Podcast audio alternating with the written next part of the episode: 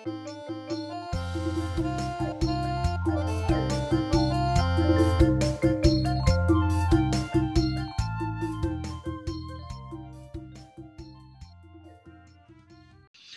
ទជំរាបសួរបងប្អូនស្គនភ្ងាទាំងអស់គ្នានៅថ្ងៃនេះក្នុងប្រគុណនៃព្រះជាម្ចាស់នៃយើង តាំងពីស្រុកខ្មែរ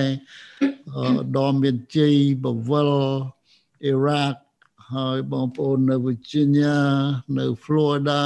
everywhere ដែលជួបគ្នានៅក្នុង Family Worship Online ថ្ងៃនេះសូមបានព្រះទ្រង់ទានប្រពរគ្រប់គ្រប់គ្នាថ្ងៃនេះយើងអរគុណព្រះអង្គយើងបានឮពីបងប្អូនគ្រប់គ្រប់គ្នាលើកទឹកចិត្តហើយនឹងកំសាន្តចិត្តយើងពីកិច្ចការងារប្រងដែលចម្រើនគ្រប់ទីកន្លែងហើយនឹងសេចក្តីអធិដ្ឋានដែលបងប្អូនបានសំណូមដល់ព្រះអង្គយើងជឿថាព្រះអង្គទ្រង់ ស្ដាប់ហើយនឹងរៀបចំការទាំងនោះតាមផាតិទ្រង់អរគុណព្រះថ្ងៃនេះបងប្អូនបានឮព្រះបន្ទូលព្រះអង្គហើយយើងរៀនអំពីសេចក្តីអធិដ្ឋានព្រោះយើងត្រូវការសេចក្តីអធិដ្ឋានហើយនេះគឺជាសេចក្តីអធិដ្ឋានដែលព្រះយេស៊ូវគ្រីស្ទព្រះអង្គបង្រៀនដល់សិស្សរបស់ព្រះអង្គនៅក្នុងសេចក្តីអធិដ្ឋានដែលយើងបានពាក្យដែលក្នុងព្រះបន្ទូលរបស់ព្រះអង្គដែលយើងបានស្ដាប់បាញ់មិញនេះខ្ញុំដាក់នៅក្នុងអឺគោលនៅក្នុង គម្រោងនៅក្នុងសេចក្តីមួយរៀនថ្ងៃនេះហៅថាគោលការណ៍នៃសេចក្តីអធិដ្ឋាន the principle of prayer ខ្ញុំយកវិវែងបើយើងនិយាយឲ្យបានម៉ត់ចត់ខ្ញុំបែកជា2ជា2ផ្នែក នៅក្នុងផ្នែកនេះគឺជាគោលការណ៍ទី1ពីព្រោះយើងអ្នកគ្រីស្ទានត្រូវការអធិដ្ឋានយើងត្រូវការអធិដ្ឋានយើងជាអ្នកដែលកើតជាថ្មីជាមួយនឹងព្រះ ស្រេចហេតុនេះហើយអ្វីអ្វីពីមុនដែលត្រូវផ្លាស់ប្ដូរជីវិតមុនដែលមាននោះគឺផុតអស់ហើយហើយយើងគឺជាមនុស្សថ្មី ដែលកើតនៅក្នុងព្រះវិញ្ញាណសូមបងប្អូនសម្រុំចិត្តនឹងអធិដ្ឋាន រួមជាមួយនឹងខ្ញុំសូមពពោពីព្រះបិតាជាម្ចាស់ព្រះអង្គឲ្យយើងខ្ញុំថ្ងៃនេះសូមព្រះអង្គទ្រង់បាន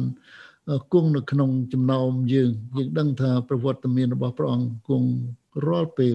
សូមព្រះម្ចាស់ទ្រង់បំភ្លឺនៅក្នុងព្រះបន្ទូលព្រះអង្គថ្ងៃនេះឲ្យយើងខ្ញុំបានយល់ច្បាស់ថែមទៀតពីអ្វីដែលយើងត្រូវសូមដល់ព្រះអង្គពីអ្វីដែលយើងត្រូវទូលដល់ព្រះអង្គហើយពីអ្វីដែលយើងត្រូវទទួលពីព្រះអង្គតាមសេចក្តីអធិដ្ឋានដែលព្រះអង្គបង្រៀនដល់សាវករបស់ព្រះអង្គជាគំរូសម្រាប់ឲ្យយើងប្រើប្រាស់នៅក្នុងការដែលយើងតាក់ទងជាមួយនឹងព្រះអង្គរាល់ថ្ងៃ សូមឲ្យព្រះបន្ទូលរបស់ព្រះអង្គថ្ងៃនេះបានបង្ហូរចូលមកក្នុងទូលបង្គំជាអ្នកបម្រើព្រះអង្គឲ្យគ្រប់ទាំងពាក្យសម្ដីឲ្យចេញពីបបោមាត់ទូលបង្គំនោះជាពាក្យសម្ដីដែលចេញពីព្រះយើងអរគុណដល់ព្រះអង្គគ្រប់ការតនេះក្នុងព្រះនាមព្រះម្ចាស់ព្រះយេស៊ូវគ្រីស្ទក្នុងព្រះបន្ទូលរបស់ព្រះអង្គបានប្រាប់ច្បាស់ថាយើងជាអ្នកជឿព្រះគឺយើងជាមនុស្សថ្មីនៅក្នុងព្រះគម្ពីរកូរិនថូសទី1ចំពុក5 17ថាបើអ្នកណានៅក្នុងព្រះគ្រីស្ទនោះឈ្មោះថាបានកើតជាថ្មីហើយ អស់ទាំងសេចក្តីចាស់បានកន្លងបាត់ទៅហើយមើលគ្រប់ទាំងអស់បានត្រឡប់ជាថ្មីវិញ ពីមុនយើងជឿព្រះយើងនៅឆ្ងាយពីព្រះយើងក៏មិនដឹងថាព្រះនៅឯណាផងតែដល់ពេលដែលយើងជឿទ្រង់យើងបានត្រឡប់ជាកូនព្រះហើយយើងមានឯកសិទ្ធិនឹងហៅព្រះអង្គថាជាកូនព្រះអង្គឲ្យយើងមានសិទ្ធិ ថាយើងបានហៅព្រះអង្គថាជាព្រះបិតាដោយនៅក្នុងព្រះគម្ពីរយ៉ូហានចំពុក1ខ12ថាដោយព្រះអង្គមានដោយជឿដល់ព្រះអង្គនោះយើងមានអំណាចព្រះអង្គបានឲ្យយើងមានអំណាចបានត្រឡប់ជាកូនព្រះដូច្នេះអ្វីអ្វីដែលពីមុននោះបាត់ហើយអ្វីអ្វីដែលនៅក្នុងជីវិតជើងចាស់ទាំងអស់ទាំងពាក្យសម្ដីអកប្បកិរិយាជីវិតរស់នៅនោះគឺបាត់ហើយយើងធ្វើ ឲ្យបានជាថ្មីឲ្យសមទៅនឹងអ្វីដែលព្រះហៅយើងថាជាកូនហើយជីវិតថ្មីខាងវិញ្ញាណត្រូវការធំធាត់ត្រូវការរីកចម្រើនសាច់ឈាមត្រូវការធំធាត់ឲ្យមានកម្លាំងធ្វើការបាន គឺត្រូវទទួលទានអាហារចំណីអាហារល្អដែលផ្ដល់សុខភាពដល់រូបរាងកាយទាំងមូលយ៉ាងណាមិញជីវិតថ្មីខាងវិញ្ញាណក៏ចាំបាច់ធំចម្រើនដើម្បីឲ្យមានកម្លាំងឈ្នះមិនមែនឈ្នះលើ អ្វីដែលយើងមើលឃើញទៅឈ្នះទៅលើអំណាចងងឹតដែលមើលវាដែលមើលមិនឃើញដែលវាគ្រប់គ្រងនៅលើផែនដីនេះគឺជាអំណាចរក្សាតាំងដើម្បីឲ្យខាងចម្រើនខាងព្រះវិញ្ញាណលោកអ្នកត្រូវទទួលទានអាហារខាងវិញ្ញាណគឺជាការអានព្រះបន្ទូលរាល់ថ្ងៃទើបយើងអាចធំចម្រើនបាននេះជាអាហារដែលត្រូវការធំធាត់ខាងវិញ្ញាណហើយមុននឹងទទួលទានអាហាររាល់ថ្ងៃលោកអ្នកត្រូវការ ទូលទៅព្រះហើយអរគុណព្រះដែលយើងហៅថាអធិដ្ឋានដូច្នេះសេចក្តីអធិដ្ឋាន គឺជាការថ្វាយបង្គំព្រះសេចក្តីអធិដ្ឋាន គឺជាការថ្វាយបង្គំព្រះដែលពោលពីអរប្រគុណយ៉ាងអស់ពីចិត្តទៅដល់ព្រះ Prayer is an act of worship through deliberate of communication with thanksgiving ដូច្នេះអធិដ្ឋានសំខាន់ណាស់បងប្អូនជាការថ្វាយបង្គំព្រះសេចក្តីអធិដ្ឋានសំខាន់សម្រាប់អ្នកជឿ ដូចខ្ញុំជម្រាបគឺជាអាហារប្រចាំថ្ងៃរបស់យើងគ្រប់គ្នាចំពោះអ្នកគ្រីស្ទៀនយើងប្រើពាក្យអធិដ្ឋានមិនមែនពាក្យបន់ស្រន់ឬបួងសួងទេអានោះពាក្យដែលប្រើដែលបន់នោះគឺធ្វើទៅឲ្យវិញ្ញាណអាក្រក់ដូចជាបន់ខ្មោចបិសាចបន់អ្នកតាជាដើមដែលយើងអត់ប្រើសម្រាប់គ្រីស្ទាននៅពេលនេះ នៅពេលដែលពួកសិស្សរបស់ព្រះអង្គគេមិនទាន់ដឹងថា តើអធិដ្ឋានយ៉ាងណាផងបានជានៅក្នុងព្រះគម្ពីរលូកាចំពុក11ខ1ពួកសិស្សទូលទ្រង់ថាព្រះអង្គម្ចាស់ឲ្យសូមទ្រង់បង្រៀនយើងខ្ញុំឲ្យចេះអធិដ្ឋានផងដូចជាលោកយូហានបានបង្រៀនដល់សិស្សលោកដែរព្រះយេស៊ូវទ្រង់មានបន្ទូលទៅគេវិញថាកាលណាអ្នកអធិដ្ឋានកុំឲ្យធ្វើដូចជាមនុស្សមានពុតណាបងប្អូនស្ដាប់ឮព្រះបន្ទូលព្រះអង្គមិញហ្នឹងថាយើងពេលយើងអធិដ្ឋានកុំធ្វើដូចមនុស្សដែល មិនជឿដែលគេចូលចិត្តឈរអធិដ្ឋាននៅសាលាប្រជុំនេះគឺនៅក្នុងពេលដែលដែលនៅក្នុងសាលាប្រជុំបាននៅក្នុង synagogue នៅក្នុងសាលាដែលគេប្រជុំរបស់ពួកយូដានោះគឺគេចូលទៅគេឈរគេស្រែកដើម្បីឲ្យមនុស្សដតីនឹងឃើញឃើញគេធ្វើ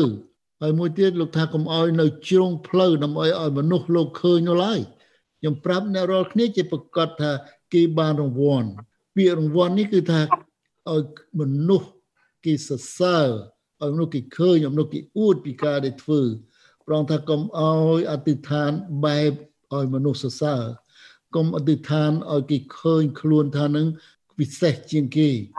ដូចជាការធ្វើទៀនជាដើមព្រះយេស៊ូវមានបន្ទូលថាកុំឲ្យផ្លុំត្រែឬប្រកាសឲ្យគេឮដូចជាពួកមានពុតប៉ុន្តែកាលណាអ្នកធ្វើទៀន កុំឲ្យដៃឆ្វេងដឹងការអ្វីដែលដៃស្ដាំធ្វើឡើយព្រះចង់បានអ្វីពីចិត្តយើងទៅព្រះវិញដូចជាពាក្យថាត្រូវចូលទៅក្នុងបន្ទប់បិទទ្វារចិត្តអធិដ្ឋាននោះបានន័យថាកាលណាអធិដ្ឋាននឹងឯងគឺជាករណីកិច្ចគឺជាជាកិច្ចមួយដែលលោកអ្នកធ្វើផ្ទាល់រវាងខ្លួនលោកអ្នកនិងព្រះមិនមែនយើងចូលទៅបន្ទប់បិទទ្វារ ទេប៉ុន្តែការនេះគឺយើងអធិដ្ឋាន នៅក្នុងចិត្តយើង ទៅព្រះផ្ទាល់ជាមួយនឹងព្រះអង្គហើយនឹងយើង ជាកន្លែងដែលស្ងាត់កំបាំងជាមួយនឹងព្រះអង្គនឹងយើងផ្ទាល់ការពិតលោកអ្នកអាចអធិដ្ឋាននៅពេលណាក៏បាន លោកអ្នកអាចអធិដ្ឋាននៅពេលបើកឡាន លោកអ្នកអាចអធិដ្ឋាននៅកន្លែងធ្វើការឬនៅពេលកន្លែងកំពុងលេងសប្បាយឬពេលកន្លែងដែលមានទុក្ខលំបាក ប៉ុន្តែព្រះអង្គចង់ឲ្យសេចក្តីអធិដ្ឋានដែលលោកអ្នកពោលទៅព្រះលោកអ្នកទូលទៅព្រះនឹងបានតែរវាងលោកអ្នកនិងព្រះផ្ទាល់នឹងឲ្យដែលហៅថាបន្ទប់បិទទ្វារគឺនៅក្នុងចិត្តលោកអ្នកឲ្យផ្ទាល់ទៅឲ្យព្រះបើសិនជាយើងមានពេលនៅក្នុងផ្ទះកន្លែងមួយដែលស្ងាត់នោះគឺជាការប្រសើរចុះបើយើងអត់មាននៅផ្ទះបងប្អូនអាចអធិដ្ឋាននៅពេលណាក៏បានដែរពីព្រោះព្រះអង្គទ្រង់ជ្រាបព្រះអង្គទ្រង់ជាវិញ្ញាណ ហើយបើកាលណាអ្នកអធិដ្ឋានព្រះអង្គថាកុំឲ្យពោលពាក្យផ្ទួនផ្ទួនអប្រយោជន៍ពីព្រោះព្រះជ្រាបជាមុននឹងអ្វីដែលអ្នកសូមផងមិនមែនថាយើងអធិដ្ឋានវែងយូរដូចជាអូនស៊ីនអធិដ្ឋានពីសេចក្តីត្រូវការរបស់បងប្អូន សំណូមច្រើនដែលយើងត្រូវការគឺយើងត្រូវការទូលរបស់ព្រះអង្គគ្រប់ទាំងពាក្យសំណូម នៅគ្រប់ទាំងពាក្យសំណូម describe រាប់រៀបព្រះប្រងប៉ុន្តែមិនមែនថាពាក្យដដែលដដែលទិញដដែលព្រះអង្គឲ្យសុំព្យាបាលសុំព្យាបាលសុំព្យាបាលថាគុំអោព្រះអង្គថាគុំឲ្យផ្ទួនផ្ទួនប៉ុន្តែសេចក្តីត្រូវការរបស់យើងដែលទូលដល់ព្រះនោះសូមឲ្យយើងបានទូលរបស់ដល់ព្រះអង្គដោយគ្រប់ទាំងពាក្យសំណូមបានជាព្រះអង្គមានព្រះបន្ទូលនៅពីខ9ដល់ចូលអតិថានបែបនេះ ពាក្យនេះគឺជាពាក្យគំរូពីសេចក្តីអធិដ្ឋានមិនមែនឲ្យយើងសូត្រសេចក្តីអធិដ្ឋាននេះចាំមាត់រាល់ថ្ងៃទេនេះជាគំរូជាគំរូពីរបៀបយើងអធិដ្ឋានទៅព្រះ ហើយការនេះគឺសម្រាប់បងប្អូនដែលដំបងដែលយើងជឿដំបងប៉ុន្តែខ្ញុំយើងរំលឹកឡើងវិញដើម្បីឲ្យយើងរឹតតែធ្វើឲ្យត្រូវនៅបហារតីព្រះ គឺថា ទីមួយប្រងឲ្យយើងអធិដ្ឋានថាអោព្រះវរបិតានៃយើងខ្ញុំ ដែលគង់នៅឋានសួគ៌អើយសូមឲ្យព្រះនាមទ្រង់បានបរិសុទ្ធសូមឲ្យរាជទ្រង់បានមកដល់សូមឲ្យប្រហារតីទ្រង់បានសម្រេចនៅផែនដីដោយនៅឋានសួគ៌ដែរសូមប្រទានអាហារដែលយើងខ្ញុំត្រូវការនៅថ្ងៃនេះសូមអត់ទោសសេចក្តីកំហុសរបស់យើងខ្ញុំដូចជាយើងខ្ញុំបានអត់ទោសដល់អ្នកដែលធ្វើខុសនឹងយើងខ្ញុំដែរសូមកំណមយើងខ្ញុំទៅក្នុងសេចក្តីលបួងឡើយតែសូមប្រោះឲ្យយើងខ្ញុំរួចពីសេចក្តីអាក្រក់វិញបិទរាជព្រះជាស្ដា និងសេរីល្អជារបស់ថងទ្រង់នៅអស់កលចនិចអេមែននៅក្នុងសេចក្តីអធិដ្ឋានដែលព្រះយេស៊ូវបង្រៀននេះមានគោលសំខាន់ពីរផ្នែកទី1គឺសម្រាប់នឹងលើកសរសើរដំណើរព្រះ នៅផ្នែកទី1ដែលយើងរៀនថ្ងៃនេះហើយផ្នែកទី2យើងនឹងរៀននៅពេលក្រោយ គឺជា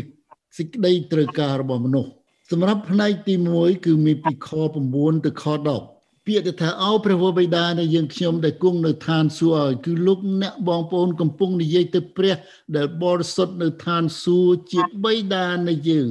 ជាឪពុករបស់យើងជាអ្នកចិត្តស្និទ្ធហើយជាអ្នកដែលថែទាំយើងរាល់ថ្ងៃសូមចាំថាលោកអ្នកជាកូនព្រះហើយដោយសារជំនឿជឿដល់ព្រះនាមព្រះម្ចាស់ព្រះយេស៊ូវគ្រីស្ទព្រោះព្រះគម្ពីរយ៉ូហានចំពុក1 12អ្នកបានចែងថាអ្នកណាដែលជឿដល់ព្រះនាមព្រះនាមទ្រង់ នោះទ្រង់ប្រទានអំណាចឲ្យបានត្រឡប់ជាកូនព្រះ ព្រះជាព្រះហូបិតានៃយើង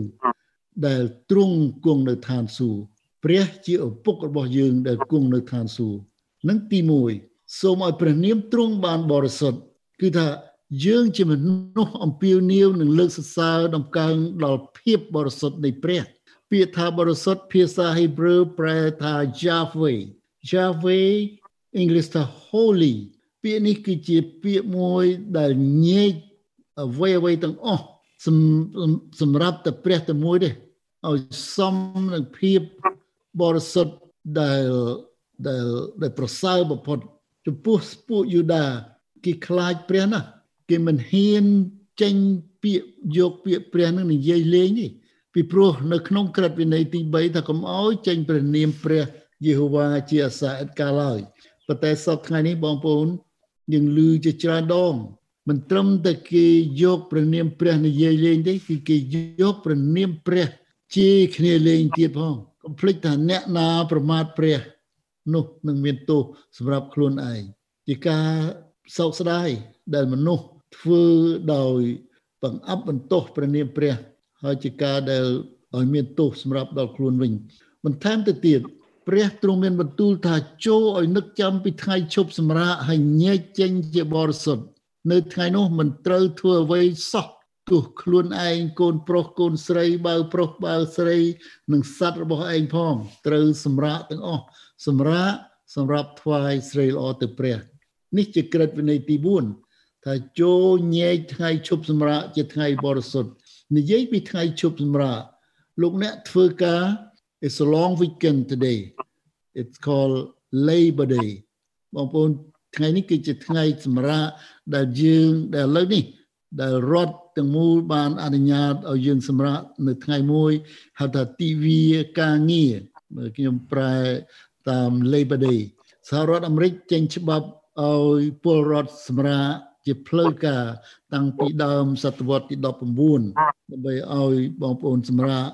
នៅ ពីកិច្ចការងារដែលយើងធ្វើប៉ុន្តែថ្ងៃឈប់សម្រាកពិតប្រកបគឺចាប់ផ្ដើមពីព្រះ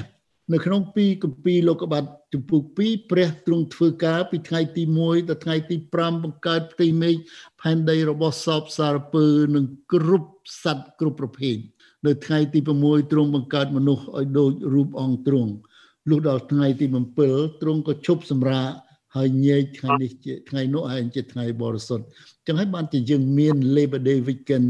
នៅសប្តាហ៍នេះណា Labor Day គឺថ្ងៃទិវាការងារនឹងគឺចាប់ផ្ដើមពីព្រះអង្គម្ចាស់អ្វីទាំងអស់នៅក្នុងលោកនេះទាំងមូលគឺចាប់ផ្ដើមពីព្រះបើយើងដកព្រះចេញគឺអ្វីអ្វីទាំងអស់នៅទៅទេផ្នែកទី2ផ្នែកទី2ពាក្យថាសូមឲ្យរាជទ្រង់បានមកដល់គឺសូមអំណាចគ្រប់គ្រងនៅលើផែនដីមកនៅឋានសួគ៌ព្រះបង្ហាញឲ្យអ្នកឃើញថា អំណាចព្រះខុសពីអំណាចលោកីគឺយើងសូមឲ្យព្រះハរតីព្រះនឹងសម្រេចអ្វីគ្រប់ទាំងអស់នៅក្នុងជីវិតខ្ញុំបងកន្លែងនេះគឺថាឲ្យអំណាចរបស់ទ្រង់មកដល់សូមឲ្យរាជទ្រង់បានមកដល់នោះគឺសូមឲ្យព្រះハរតីព្រះនឹងបានមកដល់ក្នុងជីវិតរបស់ខ្ញុំរាល់ថ្ងៃពីព្រោះលោកីនេះគេបង្រៀនមនុស្សឲ្យ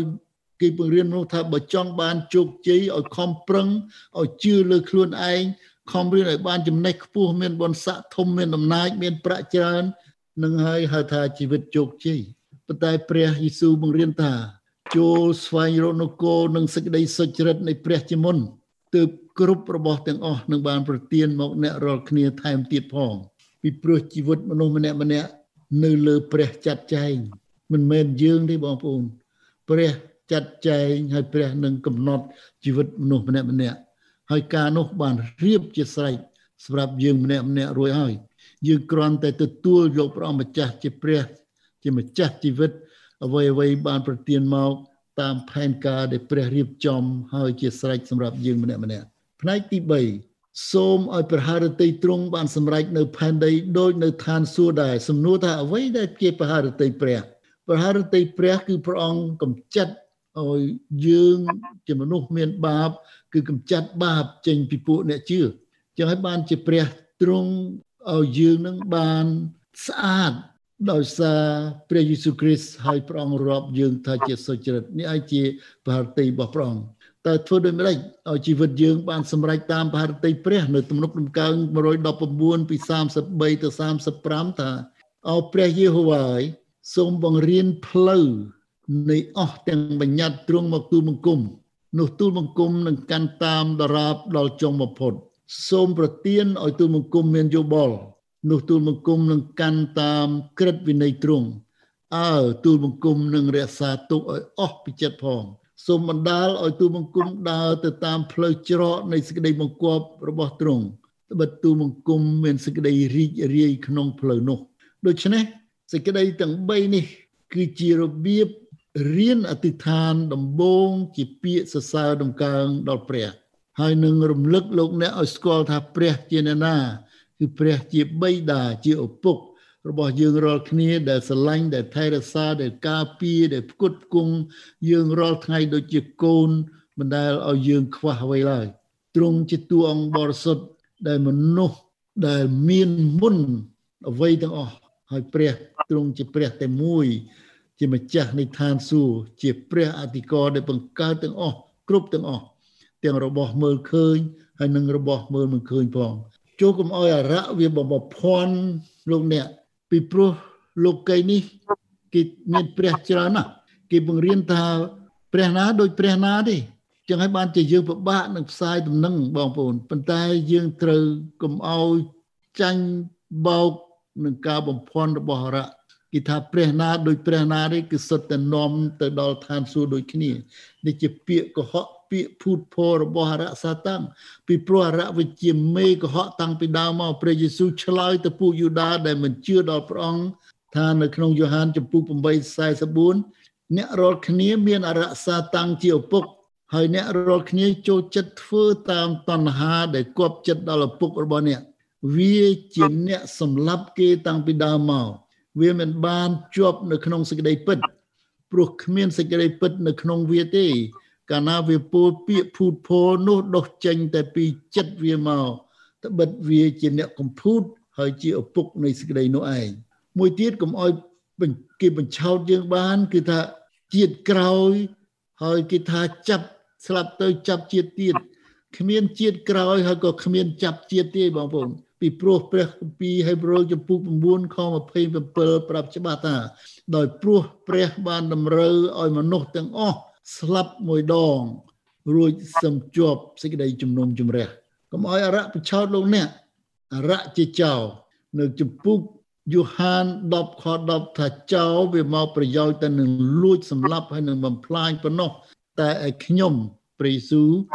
ខ្ញុំបានមកដើម្បីឲ្យវារាល់គ្នាមានជីវិត ហើយឲ្យមានជីវិតនោះពេញបរិបូរណ៍ផងពីអេសាយចំពុក44ខ6ទៅខ7ថាព្រះយេហូវ៉ាជាពួកនៃពួកពលបរិវារទ្រង់មានបន្ទូលថាអញជាដើមហើយជាចុងក្រៅពីអញគ្មានព្រះណាទៀតឡើយយូហានចំពុក1ខ10ចំពុក1យូហានទីយូហានចំពុក1 18ថាគ្មានអ្នកណាដែលឃើញព្រះឡើយ មានតែព្រះរាជបុត្រាតែមួយដែលគង់នៅក្នុងព្រះអរាព្រះបិតាប៉ុណ្ណោះដែលទ្រង់បានសម្ដែងឲ្យស្គាល់ព្រះអង្គដូច្នេះគ្មានអ្នកណាដែលអាចអះអាងទៅទៅឋានសួគ៌ទេមានតែព្រះអង្គព្រះយេស៊ូវគ្រីស្ទតែមួយព្រះអង្គគត់ដែលស្គាល់ផ្លូវទៅឋានសួគ៌នៅក្នុងគម្ពីរយ៉ូហានចំពុក10 30ព្រះយេស៊ូវបានទូលថាខ្ញុំហើយនឹងព្រះវរបិតាតែមួយព្រះអង្គទេនៅកន្លែងនេះសំខាន់ណាស់បងប្អូន យើងជឿលើព្រះយេស៊ូវគ្រីស្ទគឺយើងជឿលើព្រះដែលគង់នៅឋានសួគ៌ដែលយើងហៅថាព្រះវរបិតានេះបញ្ជាក់ឲ្យឃើញថាព្រះយេស៊ូវជាព្រះ ហើយព្រះជាព្រះវិញ្ញាណនេះហើយដែលយើងហៅថាព្រះត្រៃឯក the trinity 3 in 1បីរួមមកទី1 God the Father God the Son God the Holy Spirit ទាំង3អង្គនេះគឺរួមមកតែមួយទេហើយយើងយើងទូលដល់ព្រះចឹងបានតែយើងពេលខ្លះ យើងថាសូមដោយនៅព្រះនាមព្រះបិតាព្រះបុត្រានិងព្រះវិញ្ញាណបរិសុទ្ធប៉ុន្តែព្រះអង្គតែមួយនៅក្នុងព្រះនាមព្រះយេស៊ូវគ្រីស្ទបើនៅលើផែនដីលោកអ្នកចង់បានទៅឋានសួគ៌មានតែតាមផ្លូវព្រះយេស៊ូវមួយទេព្រោះទ្រង់មកយកនិស្ស័យជាមនុស្សដើម្បីសង្គ្រោះនិងចម្លងមនុស្សទៅឯព្រះវរបិតាដែលនៅឋានសួគ៌ព្រោះទ្រង់យើងមកទ្រង់ជាមនុស្ស100%ជ្រាបគ្រប់ទាំងអស់ពីអ្វីដែលកើតឡើងនៅក្នុងជីវិតមនុស្ស ហើយទ្រង់ជាព្រះ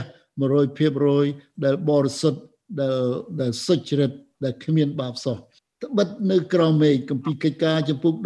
6ថា4 12ថាត្បិតនៅក្រោមមេឃនេះគ្មាននាមឈ្មោះណាទៀតដែលបានប្រទានមកមនុស្សលោកឲ្យយើងរាល់គ្នាបានសង្គ្រោះនោះឡើយដូច្នេះគ្មានទេបងប្អូនកុំឲ្យនរណាមកបញ្ឆោតយើង យើងផ្សាយដំណឹងល្អយើងប្រាប់គេថាដែលគេថាគេមានព្រះគេមានស្អីយើងយកព្រះបន្ទូលរបស់ព្រះអង្គប្រាប់គេថាគ្មានទេនៅក្រៅមេឃនេះ មានតែព្រះនាមព្រះយេស៊ូវគ្រីស្ទទេដែលប្រទានមកឲ្យយើងឲ្យបានសង្គ្រោះព្រះយេស៊ូវព្រះអង្គមានបន្ទូលច្បាស់ថាខ្ញុំជាផ្លូវជាសេចក្តីពិតហើយជាជីវិត បើមិនមកតាមខ្ញុំនោះគ្មានអ្នកណាទៅឯព្រះវរបិតាបានឡើយ I am the way the truth and the life no one come to the father except through me ដូច្នេះមានតែព្រះយេស៊ូវមួយទេ ដែលព្រះអង្គនាំយើងទៅឯព្រះបិតាគឺនគរឋានសួគ៌សូមព្រះអង្គប្រទានពរលោកអ្នកបងប្អូនទាំងអស់ថ្ងៃនេះហើយយើងនឹងបន្តវគ្គទី2នៅអាទិត្យក្រោយក្នុងអឺ the principle of prayer គោលការនៃសេចក្តីអធិដ្ឋាន របស់ព្រះយេស៊ូវបន្តទៅទៀតសូមបងប្រទានពរសូមយកទិដ្ឋានវាថាជួបចាស់អរគុណដល់ព្រះអង្គនៅពេលនេះទៀតដែលយើងជួបជុំគ្នាយើង សំណេះសំណាលគ្នាយើងរៀននៅព្រះបន្ទូលរបស់ព្រះអង្គឲ្យដឹងអំពីអ្វីដែលយើងសូមទៅព្រះពីសេចក្តីអធិដ្ឋានសូមឲ្យការទាំងអស់ដែលយើងបានធ្វើសូមឲ្យគ្រប់ទៅពាក្យសំណូមដែលយើងបានទូលរបស់ព្រះអង្គបានទ្រង់បានជ្រាបហើយទ្រង់បានលឺហើយសម្រេចទៅដល់គ្រប់ទាំងសេចក្តីសំណូមនេះសម្រាប់សរសើរនឹងកាងទ្រង់អរគុណដល់ព្រះអង្គសូមថ្វាយពេលវេលានេះចំពោះទ្រង់ក្នុងព្រះនាមព្រះអង្គម្ចាស់ព្រះយេស៊ូវគ្រីស្ទអាមែន